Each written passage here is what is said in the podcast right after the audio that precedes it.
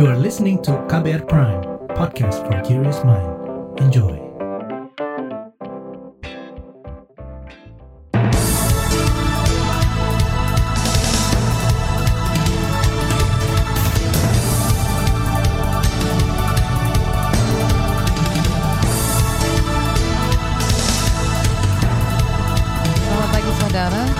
Sekali bisa menjumpai Anda kembali melalui program Buletin Pagi edisi Senin 11 Juli 2022. Saya Malika. Sejumlah informasi pilihan telah kami siapkan, di antaranya kasus COVID-19 naik, pemerintah diminta perketat aktivitas masyarakat, pimpinan KPK Lili Pintauli jalani sidang etik hari ini, organisasi Sidikiyah sesalkan izin ponpesnya dicabut. Inilah Buletin Pagi selengkapnya. Terbaru di Buletin Pagi. Saudara Presiden Joko Widodo kembali meminta masyarakat menggunakan masker saat beraktivitas di dalam maupun di luar ruangan. Itu disampaikan Jokowi usai menunaikan sholat Idul Adha di Masjid Istiqlal Jakarta kemarin. Saya juga ingin uh, mengingatkan pada kita semuanya bahwa COVID masih ada. Oleh sebab itu, baik di dalam ruangan maupun di luar ruangan, memakai masker adalah masih sebuah keharusan. Jokowi juga mengingatkan pemerintah daerah, TNI dan Polri menggencarkan vaksinasi dosis ketiga atau booster. Cakupan vaksinasi booster dan protokol kesehatan mesti ditingkatkan di daerah-daerah yang mengalami lonjakan kasus COVID-19. Kemarin kasus harian bertambah sekitar 2.500, lebih dari 1.600 di antaranya di Sumbang, DKI Jakarta. Sisanya menyebar di sekitar Jawa seperti Jawa Barat, Banten, hingga Jawa Timur. Sebelumnya pada Mei lalu, Jokowi sempat memutuskan untuk melonggarkan penggunaan masker seiring landainya kasus COVID-19. Saat itu masker boleh tidak digunakan saat beraktivitas di luar ruangan atau area terbuka yang tidak padat orang. Imbauan Presiden untuk menggunakan masker di luar maupun di dalam ruangan merupakan sinyal pengetatan protokol kesehatan. Meski begitu, aktivitas dan mobilitas masyarakat belum akan dibatasi. Berikut pernyataan Ketua Bidang Perubahan Perilaku Satgas COVID-19, Sony Hari Harmadi. Sebetulnya dengan status pandemi belum berakhir, ya kasus COVID juga masih ada secara terus-menerus, penerapan protokol kesehatan secara yang terbaik. Makanya, eh, aktivitas dan mobilitas boleh dilakukan, tetapi syaratnya adalah betul-betul menerapkan protokol kesehatan karena kita harus menjaga momentum pertumbuhan ekonomi, tapi di sisi lain jangan sampai momentum tadi terganggu dengan adanya lonjakan kasus. Ketua Bidang Perubahan Perilaku Satgas COVID-19 Sony Hari Harmadi menambahkan, level PPKM berpotensi naik jika masyarakat abai protokol kesehatan saat tren kasus COVID-19 meningkat. Dia mengklaim pemerintah telah berupaya meningkatkan cakupan vaksinasi booster, caranya dengan menjadikan vaksinasi booster sebagai syarat mengakses tempat publik, transportasi massal maupun kegiatan keramaian. Kalangan parlemen mendorong pemerintah memperketat aktivitas masyarakat jika kasus COVID-19 terus bertambah. Anggota Komisi Kesehatan DPR Rahmat Handoyo mengatakan pengetatan bisa dilakukan sembari mempertimbangkan pemulihan ekonomi nasional tetap menggunakan PPKM level kalau ternyata masyarakat dengan imbuan itu e, masih tetap melakukan suatu aktivitas yang kemudian potensi naik, saya kira PPKM level ya harus kita terapkan. Kalau terjadi kenaikan, tentu pembatasan-pembatasan aktivitas masyarakat akan kita kembali lagi mundur lagi. Pembatasan menjadi e, work from home, kemudian pembatasan kerja di dalam kantor dikurangin atau ada pembatasan, termasuk di mall pembatasan, nah itu perlu kita gabungkan kembali. Anggota Komisi Kesehatan DPR Rahmat Handoyo menilai ancaman subvarian Omikron BA4 dan BA5 sama besarnya dengan varian terdahulu sehingga masyarakat diminta tetap waspada. Politikus PDIP ini memahami pemerintah masih fokus pada pemulihan ekonomi nasional, namun pemerintah juga perlu memikirkan kesehatan masyarakat. Ahli epidemiologi dari Universitas Griffith Australia Diki Budiman menekankan kenaikan kasus COVID-19 di Indonesia menjadi peringatan bagi pemerintah. Dia mendorong langkah-langkah mitigasi untuk mencegah ledakan kasus yang lebih besar, sebab menurutnya subvarian Omikron BA4 dan BA5 yang menjadi pemicu penambahan kasus memiliki karakter yang dapat menurunkan kemanjuran atau efikasi antibodi. Nah, dua awal itu, yaitu kemampuan menginfeksi dan juga menurunkan uh, efikasi antibodi atau yang disebut dengan immune escape, dua ini dia jauh di atas varian atau subvarian sebelumnya. Itu sudah sangat jelas berarti ini tidak bisa dianggap remeh dan harus diwaspadai dan dilakukan mitigasi yang kuat. Epidemiolog Diki Budiman menilai keseriusan pemerintah menangani pandemi mulai mengendur. Hal itu juga tampak dari melemahnya kewaspadaan masyarakat dalam menerapkan protokol kesehatan dan mengikuti program vaksinasi. Diki khawatir kondisi ini bakal membuat gelombang pandemi di Indonesia berlangsung lebih lama. Diki pun mengkritik inkonsistensi pemerintah dalam menerapkan level PPKM di Jakarta. Status PPKM Jakarta mendadak direvisi dalam sehari dari level 2 menjadi level 1. Perubahan yang mendadak itu dinilai bisa mengurangi kepercayaan publik. Saudara pimpinan KPK Lili Pintauli Siregar akan menjalani sidang etik hari ini. Tetaplah di Buletin Pagi KBR. You're listening to KBR Pride, podcast for curious mind. Enjoy!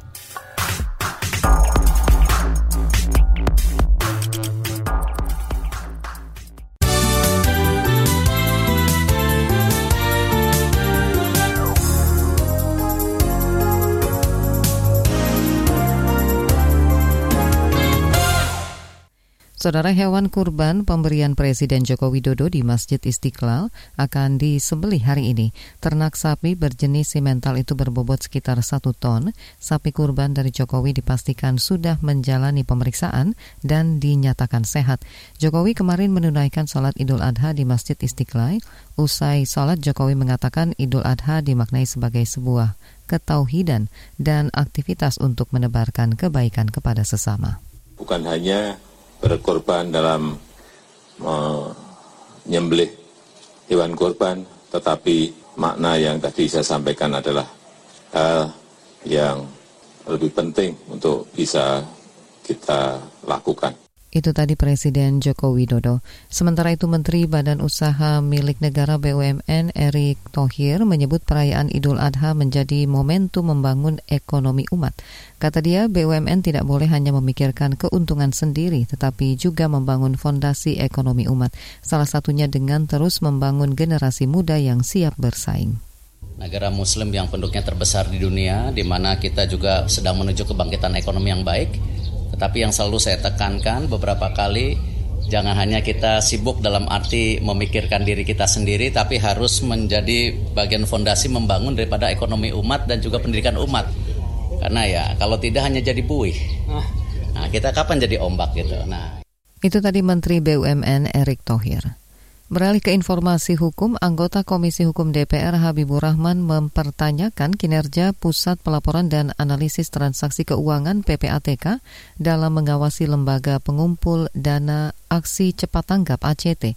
Padahal PPATK telah lama mengendus indikasi transaksi mencurigakan dari yayasan tersebut. Kalau ada indikasi diketahui dari tahun 2014, masa sih belum ter, ada satu perkara hukum pun terkait ACT yang terungkap ke penegak hukum, gitu kan? Clear atau tidak? Indikasi yang pertama itu clear atau tidak? Kalau clear uh, itu apa namanya bukan pidana, jangan disebut-sebut. Kalau tidak clear, tetap indikasi kok selama itu, ya kan? Ya kita mau tanya ini nanti apa namanya? Ya ini saya sekaligus mengkonfirmasi ke Pak Nasir ya. Anggota Komisi Hukum DPR Habibur Rahman mendesak PPATK dan aparat penegak hukum mengawal kasus ini hingga tuntas. Sebelumnya PPATK menemukan indikasi adanya aliran dana ACT ke rekening seseorang yang terafiliasi dengan kelompok teroris Al-Qaeda. Dewan Pengawas Komisi Pemberantasan Korupsi Dewas KPK belum menerima konfirmasi kehadiran pimpinan lembaga anti rasuah Lili Pintauri Siregar dalam sidang etik. Lili hari ini dijadwalkan mengikuti sidang etik dugaan penerimaan gratifikasi fasilitas MotoGP Mandalika Dewas meminta Lili tak mangkir dari panggilan sidang.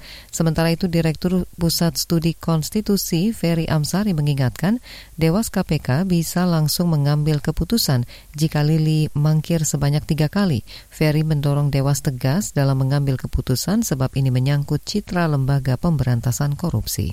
Kalau dalam konsep uh, etik ya, kalau orang sudah melakukan tiga kali pelanggaran ya sudah diberhentikan dan kalau dilihat ya fasilitas yang diterima itu menurut saya naik sekali kalau Dewas tidak memberhentikan Lili. Itu pelanggaran yang tidak boleh ditolerir oleh lembaga seperti eh, KPK yang dari dulu dikenal sebagai lembaga yang betul-betul mempertahankan nilai-nilai integritas Direktur Pusat Studi Konstitusi Ferry Amsari menilai kasus yang menjerat Lili juga berpotensi diusut secara pidana.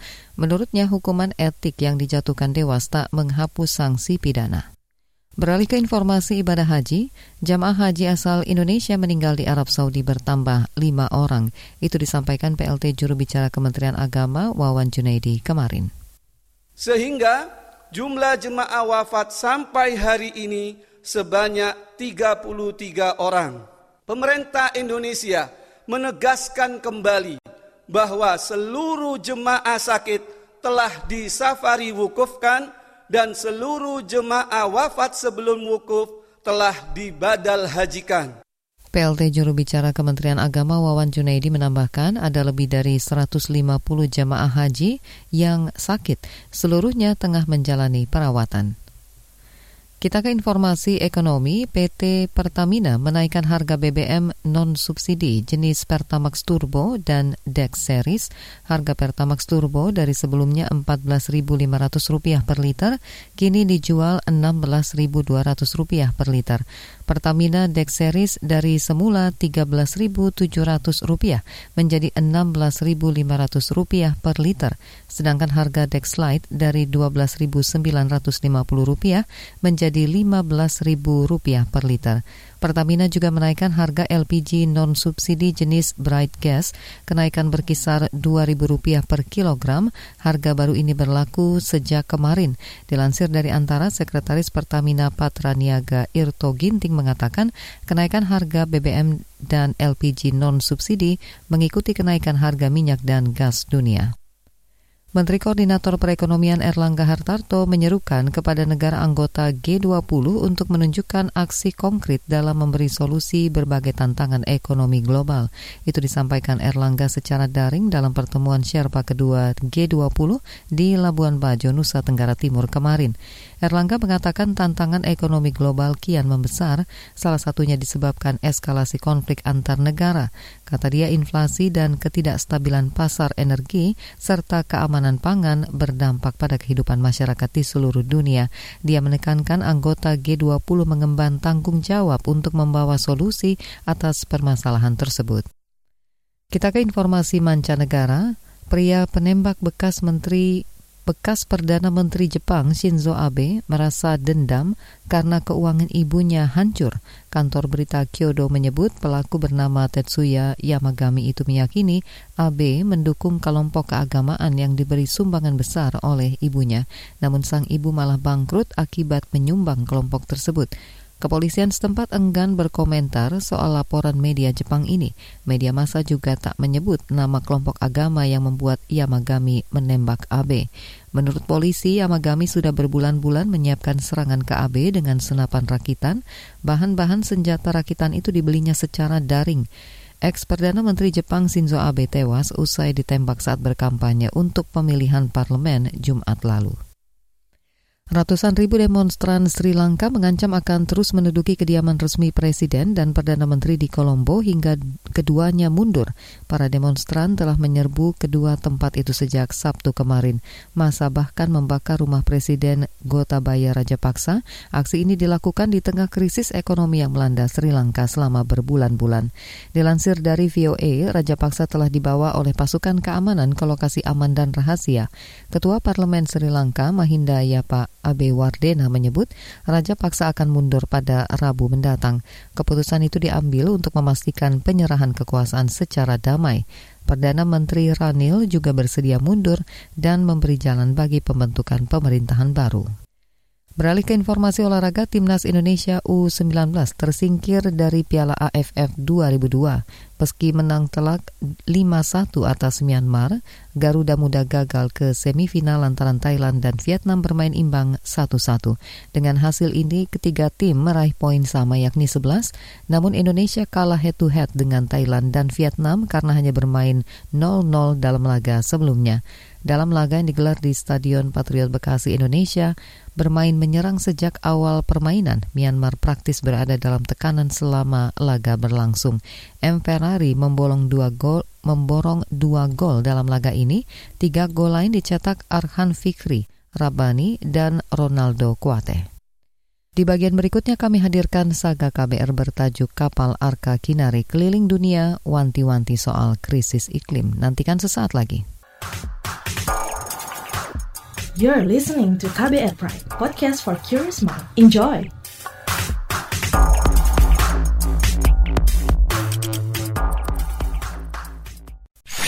Commercial break. Commercial break.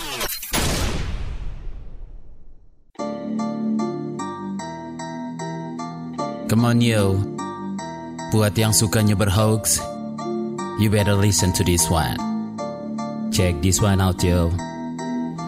Hati-hati kalau baca kabar hoax, Jangan langsung disebar kabar yang hoax, Kalau mau tahu kabar benar atau hoax, Dengerin cek fakta yang pasti bukan hoax, Dengerinnya setiap Senin yang jelas bukan hoax. Cuma ada di kbrprime.id.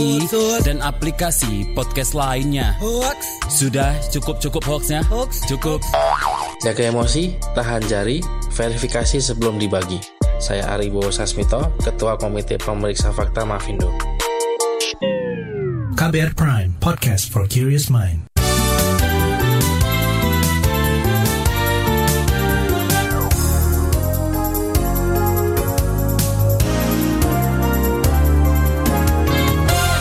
Anda masih bersama kami di Buletin Pagi KBR. Pada 2019, pasangan seniman Nova Ruth dan Gray Vilestin berlayar dengan kapal Arka Kinari dari Rotterdam, Belanda. Mereka keliling dunia melintasi dua samudera dengan membawa pesan peringatan tentang ancaman nyata perubahan iklim. Di setiap persinggahan, kapal disulap jadi panggung seni sebagai penyampai pesan. Jurnalis KBR Eko Widianto berbincang dengan Nova Ruth saat Arka Kinari singgah di Malang, Jawa Timur. Simak kisahnya dibacakan Astri Yuwanasari. Pulau pertama yang menyambut kapal Arka Kinari itu adalah Pulau Plastik. Pulau apa di itu? Pasifik. Pulau Plastik. Yo gak ono Mas, yo plastik ngambang tapi tadi siji karena dia terseret Itu adalah kesaksian Nova Ruth saat kapalnya Arka Kinari pertama kali masuk perairan Indonesia pada 2020. Butuh waktu setahun sejak kapal berlayar dari Rotterdam, Belanda, melewati dua samudra, Pasifik dan Atlantik. Perjalanan keliling dunia ini merupakan misi Nova dan suaminya, Gray Philistine, untuk menggugah kesadaran tentang ancaman perubahan iklim. metode-metode supaya kita nggak terlalu kaget gitu. Sekarang kita ada di dalam krisis iklim aja kan kayak nggak ada apa-apa. Berarti nanti pas udah kena dampaknya baru baru bingung. Kan tipikal orang kita kan kayak gitu. Pilihan berkampanye dengan kapal dilandasi semangat untuk menghidupkan kembali budaya maritim. Ngomong nenek moyangku seorang pelaut itu kebanyakan cuma cerita belaka. Terus penasaran pun tidak dituntaskan oleh cucu-cucunya ini gitu kan. Nah, kepenginku mendekatkan lagi di situ. Bahwa kita punya kok semangat itu. Bahwa aku wong gunung, tapi mudun laut yo nyatane iso. Nyatanya bisa. Selain itu, Nova sadar sudah banyak meninggalkan jejak karbon karena sering menggunakan pesawat terbang. Dulu, Nova dan Gray sering diundang ke berbagai belahan dunia karena musik mereka yang syarat aktivisme lingkungan. Arka Kinari dijalankan dengan meminimalkan penggunaan energi fosil. Kapal dengan panjang 18 meter ini dilengkapi panel surya yang bisa memproduksi listrik hingga 3.500 watt. Energi dari angin juga dimanfaatkan sebagai penggerak.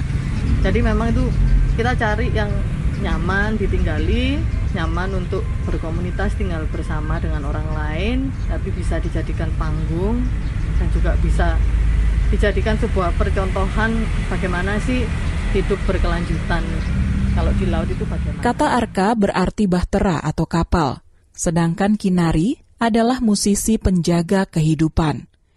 Kapal ini dibuat pada 1947, pasca Perang Dunia Kedua. Nova dan Gray membelinya dari pasangan Belanda Norwegia setelah beberapa kali berganti pemilik. Nilainya itu pokoknya sepanjang kita berkolaborasi aku sama suamiku selama bertahun-tahun dari 2012 itu ya habis tabungannya. Terus untungnya juga dibantu sama teman-teman. Tapi dihitung-hitung kalau kapal kita itu masih lebih miring daripada membeli sebuah pinisi yang dipakai untuk pariwisata itu kan kisarannya sekitar 4 sampai 6 m kan kalau kita masih di bawahnya Ada tujuh kru yang berada di Arka Kinari, termasuk Nova dan Grey. Saban bersandar, mereka menggelar pertunjukan musik di atas kapal. Musisi setempat diajak berkolaborasi untuk ikut menyuarakan penyelamatan lingkungan. Salah satunya di kampung halaman Nova di Malang, Jawa Timur pada Juni 2022 lalu. Seiring perjalanan, gagasan baru terus bermunculan untuk menyebarkan virus positif tentang kesadaran akan krisis lingkungan. tahun ini kita ada program namanya Panggilan Melaut itu untuk pekerja seni perempuan di Indonesia dan ada 11 orang yang terpilih 11 perempuan mereka akan ikut bersama kita di beberapa rute perjalanan dan digilir dua-dua itu hanya untuk supaya teman-teman itu bisa merasakan melaut dan pentingnya melaut pengetahuan melaut bersama kita lalu bisa diekspresikan lewat seninya mereka masing-masing Tiga tahun baru fase awal yang ditempuh Arka Kinari. Nova sadar butuh nafas dan komitmen jangka panjang untuk mengawal isu perubahan iklim. kita kan baru jalan tiga tahun targetnya 7 sampai 10 tahun. Kita tahu bahwa proyek ini tuh sangat baru di mana-mana. Penerimaan aja kan pasti tidak cukup 1 sampai 2 tahun kan. Paling tidak 3 sampai 5 tahun. Kalau regenerasi kita masih belum terpikir sampai situ ya. Karena kan awalnya masih eh, pribadi ya. Tapi regenerasi dalam aspek-aspek yang lainnya kayak ada yayasan terus ada seniman-seniman yang akan mengapresiasi perjalanan dengan kami itu buat saya termasuk regenerasi spiritnya Demikian saga jurnalis KBR Eko Widianto. Saya Astri Yuwanasari. Informasi dari berbagai daerah akan hadir usai jeda. Tetaplah bersama Buletin Pagi KBR.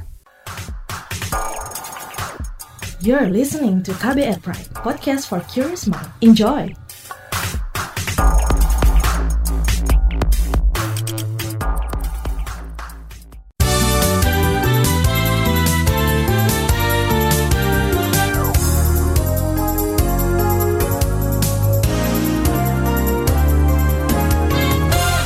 Inilah bagian akhir buletin pagi KBR. Organisasi Sidikiyah menyesalkan keputusan Kementerian Agama yang mencabut izin operasional pesantrennya di Jombang, Jawa Timur.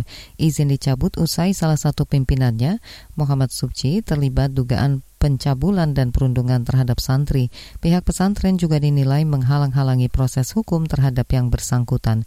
Ketua Umum Organisasi Sidikiyah Joko Herwanto mengatakan bakal menyiapkan langkah untuk menindaklanjuti putusan Kemenak itu. Salah satunya dengan meminta dukungan dari Ormas Islam.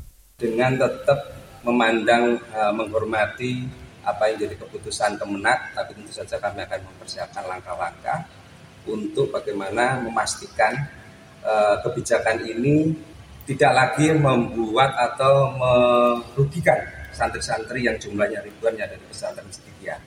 Walaupun hari ini kami juga belum menerima secara otentik keputusan dari Kemenak yang hari ini sudah demikian viral, tapi saya berharap itu tidak sampai ada pencabutan atau pembekuan izin Ketua Umum Organisasi Sidikiyah Joko Herwanto menambahkan saat ini belum ada aktivitas di pesantren karena tengah libur Idul Adha. Dia mengklaim ajaran pesantrennya tidak bertentangan dengan Islam. Dia juga mengklaim pesantrennya selalu menanamkan cinta tanah air kepada semua santri. Dinas Kesehatan Banyuwangi, Jawa Timur akan menggandeng sejumlah perguruan tinggi untuk menggenjot capaian vaksinasi booster. Kepala Dinas Kesehatan Banyuwangi Amir Hidayat mengatakan vaksinasi booster di Banyuwangi hingga awal Juli mencapai 20-an persen. Angka itu masih jauh di bawah target yakni 50 persen. Sasaran uh, vaksinasi booster yang uh, saat ini masih uh, relatif ya masih rendah itu. Jadi uh, 23,70 persen. Kalau di Banyuwangi sudah lebih tinggi daripada Jawa Timur. Nasional nanti Jawa Timur itu baru 20,16 persen. Kami juga kemarin uh, diskusi dengan seluruh pimpinan perguruan tinggi. Uh, relatif lebih mudah mobilisasinya. Kepala Dinas Kesehatan Banyuwangi Amir Hidayat menambahkan saat ini kasus aktif harian COVID-19 di Banyuwangi tengah naik. Informasi tadi menutup jumpa kita di Buletin Pagi. Hari ini pantau juga informasi terbaru melalui kabar baru situs kbr.id, Twitter kami di akun @beritaKBR serta podcast di alamat kbrprime.id. Saya Malika bersama tim yang bertugas undur diri. Salam.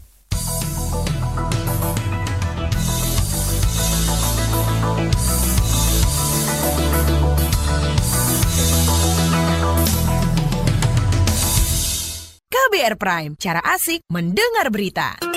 KBR Prime, podcast for curious mind.